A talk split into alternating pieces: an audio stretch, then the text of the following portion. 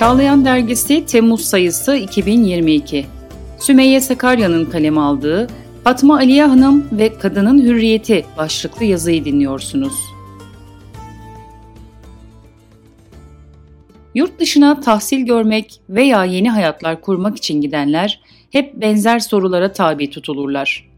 Hele de kadınsanız inanç, eşitlik ve özgürlük gibi birçok konuda irdelenirsiniz. Belki de asıl sormak istedikleri Müslüman kadın nasıldır ya da kadınlar özgür müdür soruları. Akıllara hemen özgürlük ne ile veya nasıl ölçülür sorusu gelebilir. Kadın ve erkeğin toplumdaki sorumlulukları ve rolleri üzerine dini, sosyal, kültürel ve hukuki açılardan münazaralar yapılır, yazılar kaleme alınır. Batı'da 18. yüzyılda Fransız ihtilaliyle ortaya çıkan bu fikirler kısa bir süre sonra Osmanlı topraklarına kadar ulaşır.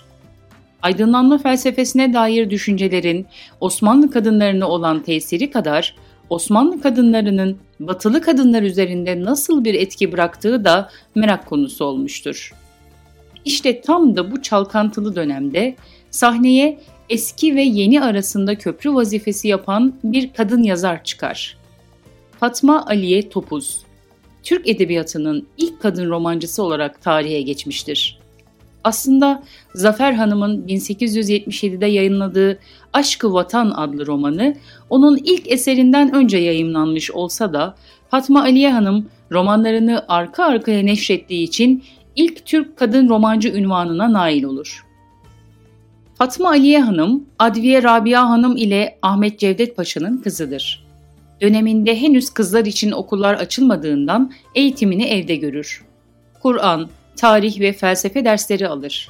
Kendi gayretiyle Fransızca öğrenir. 17 yaşında Mehmet Faik Bey ile evlenir ve dört kızı olur. Edebiyat dünyasına George Ornat'ın Volonty eserini Türkçe'ye çevirerek ilk adımını atar. Daha sonra sırasıyla Muhadarat, Refet, Levayi Hayat, Udi ve Enin romanları basılır. Aynı zamanda kadınlara ait en uzun süreli yayın olan Hanımlara Mahsus gazetenin önemli kalemlerindendir. Bazı kesimler onu feminist olarak nitelendirseler de aslında değildir. Sadece batıda gelişen fikirlerden haberdar olur ve bizim toplumumuzun da bu gelişmelerden geri kalmaması gerektiğini düşünür. Burada kendisine bir vazife yükler ve bu işe öncelikle kadınların eğitilmesinden başlanması gerektiğini söyler. Bunu da özellikle romanlarındaki kahramanlara yüklediği rollerle anlatmaya çalışır. Mesela dönemindeki batılı erkek yazarların romanlarının sonlarında kadın kahramanlar ya intihar eder, ya ahlakları bozulur veyahut ruh sağlığını kaybederler. Gustav Flaubert 1856'da neşrettiği Madame Bovary adlı eserinde kadın kahraman olan Emma'yı ahlaksızlığa düşmüş ve sonunda zehir içerek intihar eden acınası bir kadın modeli olarak tasvir etmiştir. Fatma Aliye Hanım'ın kahramanları ise yeni hayatlar kurar. Sadakatsizliği büyük bir cürüm olarak görür ve romanlarında asla kabul edilemez bir davranış olarak işler. Zavallı kadın modeline karşılık kadınlara cesaret verir, bir çare olmadıklarını gösterip onları çıkış yollarına götürür ve kadının dış görünüşüne verilen ehemmiyetin aksine derin tefekküre alışan kadının güzel olduğundan. Aslında eserleri bir nevi ümidi de temsil eder. Dönemindeki kadın modeli sadece iyi bir eş ve annedir. Fatma Aliye Hanım, kadının bu sorumluluklarının desteklenmesi için eğitimi şart koşar. Bir yandan İslam'ı asılsız şekilde eleştirenlere karşı gerekli cevapları verir, bir yandan da aynı topraklarda yetişen yurdunun insanlarına hurafe ve boş işleri din adı altında korkutarak vermek yerine dini ilimleri tahsil edip yaşamaları gerektiğini ifade eder. Fatma Aliye Hanım, muasırı olan kadın edebiyatçılarla dostluk kurmuştur. Hanımlara mahsus gazetede yazdığı yazılarında Makbule Leman ve şair Nigar'ı destekler ve onların eserlerini başkalarına tanıtır. O sadece kendi çağdaşlarını değil, kendinden sonraki nesli de yazı yazmaya teşvik eder. Fatma Aliye Hanım bu görevi 1890 yılında yerine getirdikten 30 yıl sonra Virginia Woolf ve yarım asır sonra Helen Sixus satırlarında ona destek verir. İslam'da mahremiyet esası vardır. Lakin bu kadının ilim öğrenmesine ve sosyalleşmesine mani değildir. Fatma Aliye Hanım, İslamiyet'in diğer dinlerden farklı olarak kadınlara geniş haklar ve ayrıcalıklar tanıdığını beyan eder. Ancak bir süre sonra din veya devlet adamlarının yanlış tutumları kadınların eğitimden ve önemli haklardan mahrum kalmalarına sebep olmuştur. Nisa suresinde kadınlara, yetim kızlara, küçük çocuklara ve yetimlere adil davranılması buyrulur. Batı'da ancak 18. yüzyılda kadın hakları gündeme gelirken Kur'an-ı Kerim'de bu haklardan bahsedilmiştir.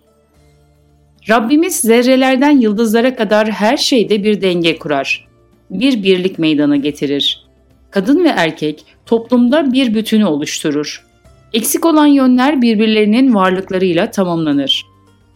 Kocalar eşleri üzerinde yönetici ve koruyucudurlar. Nisa suresi 4 Taksim 34 Bu ilahi bir tayin ve görevlendirme olup erkeğe keyfi davranma hakkını hele hele kadına zulüm veya haksızlık etme yetkisini vermez. Aksine ilahi emir ve ölçülerin gözetilmesi ve adaletin sağlanması konusunda ona büyük bir sorumluluk yükler. Asr-ı Saadet'te üç kadın modeli vardı. Birincisi iyi bir eş, ikincisi anne, üçüncüsü de ilimle meşgul olan kadındı. Hazreti Ayşe validemiz alim bir kadındı. Kadınlar arasında en çok hadis rivayeti ona aittir. Fatma Aliye Hanım'ın eğitiminde babası büyük rol oynamıştır. Kızındaki istidadı görmüş ve ona yol gösterip rehberlik etmiştir.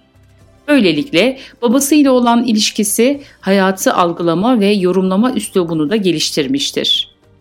Ahmet Cevdet Paşa'nın bu sorumluluğuna karşı meşhur yazar Pierre Loti'nin hayatında evden uzakta olmak, adeta kadınlara karşı sorumluluk almamakla eşdeğerdir.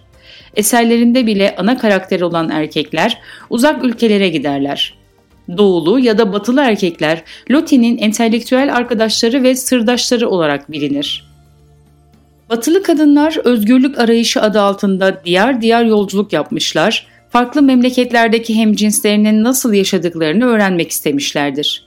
Özellikle Osmanlı'yı merak edip bu topraklarda bir süre misafir kalan batılı kadın yazarlar vardır.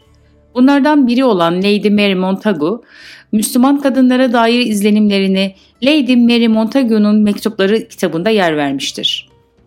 Kız kardeşine yazdığı bir mektupta Müslüman kadınların kıyafetlerinin Avrupalı kadınlardan daha özgür hareket edebilmelerini mümkün kıldığını vurgulamıştır. Onların bizden daha fazla özgürlüğe sahip olduklarını görmek çok kolay. Buradaki özgürlük kadınların yüzlerini ve beden hatlarını gizleyen kıyafetlerin onlara rahatsız edici nazarlardan uzak, özgür bir hareket alanı sağlamasından ileri gelmektedir. Fatma Aliye Hanım sadece bir yazar değil, aynı zamanda bir eş ve annedir. Dadıları olmasına rağmen çocukların eğitimi ve bakımıyla bizzat ilgilenmiştir. Fatma Aliye Hanım'ın hayatına baktığımızda bizlere yazar kimliğinin dışında kadın kimliğini de tanıtmıştır. Eserleriyle ve hayatıyla eğitimli, mütefekkir ve sosyal hayatta aktif olan hür bir kadını tasvir etmiştir. Hakiki hür olanlar, kulluk şuurunda derinleşen kadınlar ve erkeklerdir.